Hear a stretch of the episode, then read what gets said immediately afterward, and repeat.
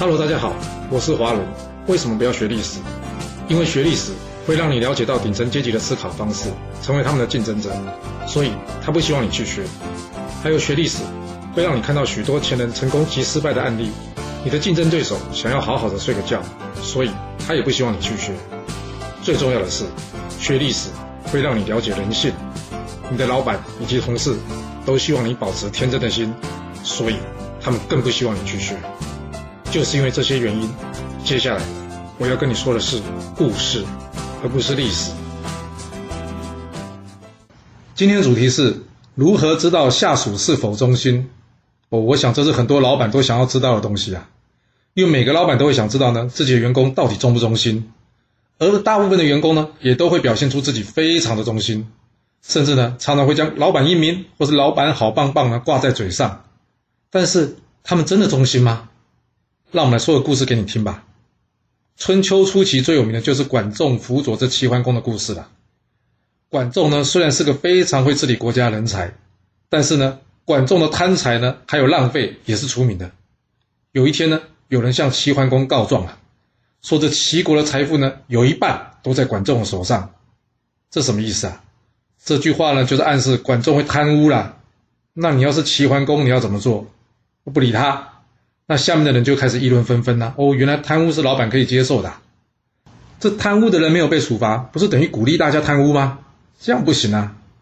但是没有真凭实据，难道要派人去查吗？一旦去查这管仲，那不是摆明不信任他吗？这样子，齐桓公跟管仲两人的关系就会生变呢。你想一想，要是你是齐桓公，你该怎么做？我们可以来看看齐桓公怎么做的。他请这个管理财务的大臣来说：“哎。”管仲在齐国五年，我齐国的财富增加了多少啊？管理财务的大臣回复齐桓公说：“报告主公，至少增加了十倍以上啊。”那齐桓公就接着说：“那不就得了？管仲就算拿走一半，我齐国财富也增加了五倍啊！有这么多钱还不够吗？你们有谁做得到啊？这件事不用讨论啊。哎，这样讲听起来怪怪的哈，好像是他能赚更多钱，他就可以贪污一样。因为我每次在跟我爸聊到这个话题的时候呢，他总会觉得齐桓公呢放任贪污是不对的，但我则是跟他说，齐桓公并没有放任贪污啊，因为当时并没有证据显示管仲贪污啊。相对于贪污，更重要的是怎样，他有没有能力为这个国家带来更多的好处嘛？所以齐桓公呢是故意强调这一点，你们有谁做得到嘛？但是没有人说自己做得到，所以齐桓公就说，那这事就不要讨论了。最怕的是什么？他只会贪污，没有建树。你要想啊，若是每个人都不贪财、不爱钱，那以前的电视包青天的电视剧，我看大概不会有人看的。为什么？因为官员都不会贪污，人家怎么会有人想看呢？会想看，就是因为呢，现实上有太多这样的人了。但是你又拿他没辙。我不是说贪污是对的，但是与贪污相比呢，错误的政策呢，其实更可怕。齐桓公的这个故事呢，正好说明这点。就算管仲有贪污吧。但是他正确的政策呢，让齐国更加的富有，这点不是应该更加重视吗？不是好人就不会干坏事哎，许多道德高尚、学问渊博的人，但制定出来的制度呢，却是害死人呐。所以到底是贪污可怕，还是错误的政策可怕？呃，好像有点歪楼了。我们今天主要要说的是如何评断下属是不是忠心嘛。我们接着刚刚故事吧。你认为这齐桓公就真的不管这件事了吗？才不会嘞。不久之后呢，齐桓公呢遇到一件奇怪的事，什么奇怪事啊？他出去打猎的时候呢，看到了一个东西，他不知道是什么东西啊。不过他觉得可能是种鬼怪。回去之后呢，便生了重病。哇，他这一病不起啊，让大臣们都非常担心呐。所以大家都赶快去看他了。那管仲当然也不例外啊。他去看了齐桓公之后，问他说：“主公，到底发生了什么事啊？”齐桓公跟他说：“哎呀，我在打猎的时候遇到怪东西了。”不过那东西呢，实在太吓人了，所以呢，我不愿意再去描述它了。因为我只要一去描述它呢，我就必须去想这个东西。由于齐桓公完全不说出这个东西，管仲怎么样，也不知道他到底碰到什么，那他怎么办呢？管仲呢想了想之后，管仲呢贴出了告示，告示的内容是什么？只要有谁能解开齐桓公到底看到了什么东西的这个问题，我管仲呢。愿意捐出我个人百分之九十的财富给这个人，哟，管仲突然大方起来了。不说也奇怪哦。当天晚上，就来了一个老人，他正确的解开了齐桓公所看见的东西。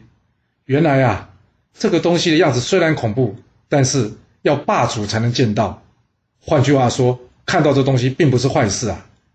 就这样，齐桓公的疑问解开了，顿时之间，整个身体也康复了。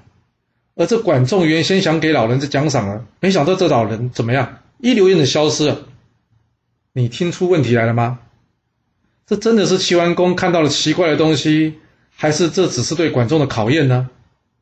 管仲虽然爱钱，但是却愿意为齐桓公一个没有来由的问题捐出他百分之九十的财富。那请问管仲算不算忠心啊？当然啦，你也可以说，搞不好管仲早就知道了这是齐桓公在测试他，所以呢，他才敢如此大方给奖赏。但是不管如何，对齐桓公来说，只要所有大臣呢都觉得管仲忠心，以后别在他面前这么乱嚼舌根就可以了。其实我们在公司呢，常常看到有人会为了帮公司省下费用而不遗余力，或者是呢努力加班的不求加班费，因为这些小小的动作呢，会赢得老板对他忠心的认可。但是，这样的人真的算忠心吗？这是演给老板看的，还是他的真心呐？我之前有个同事啊，常常会念其他同事：“哎，你为什么不用回收纸来去做影印啊？很浪费啊！”或是为什么不随手关灯啊？但是你知道吗？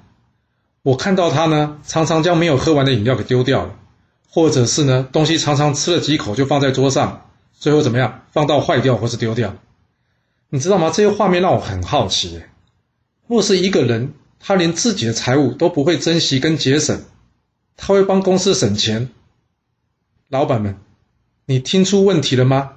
想要知道你带的人忠不忠心，不是从他会不会喊“老板英明”或是“老板万岁”来去判断，而是要用实际的事情来去做评估。这样，你学到了吗？好啦，我们今天先说到这。如果你就是不听我的劝，想知道完整版的故事内容，你可以从说明栏找到我爱故事频道的连结。不过记住哦，你是来听故事的，而不是来学历史的。要是您喜欢这个频道，麻烦您动动您的手指，追踪、留言，或是给我五星评价的支持以及分享。谢谢您来收听，我们下次再见。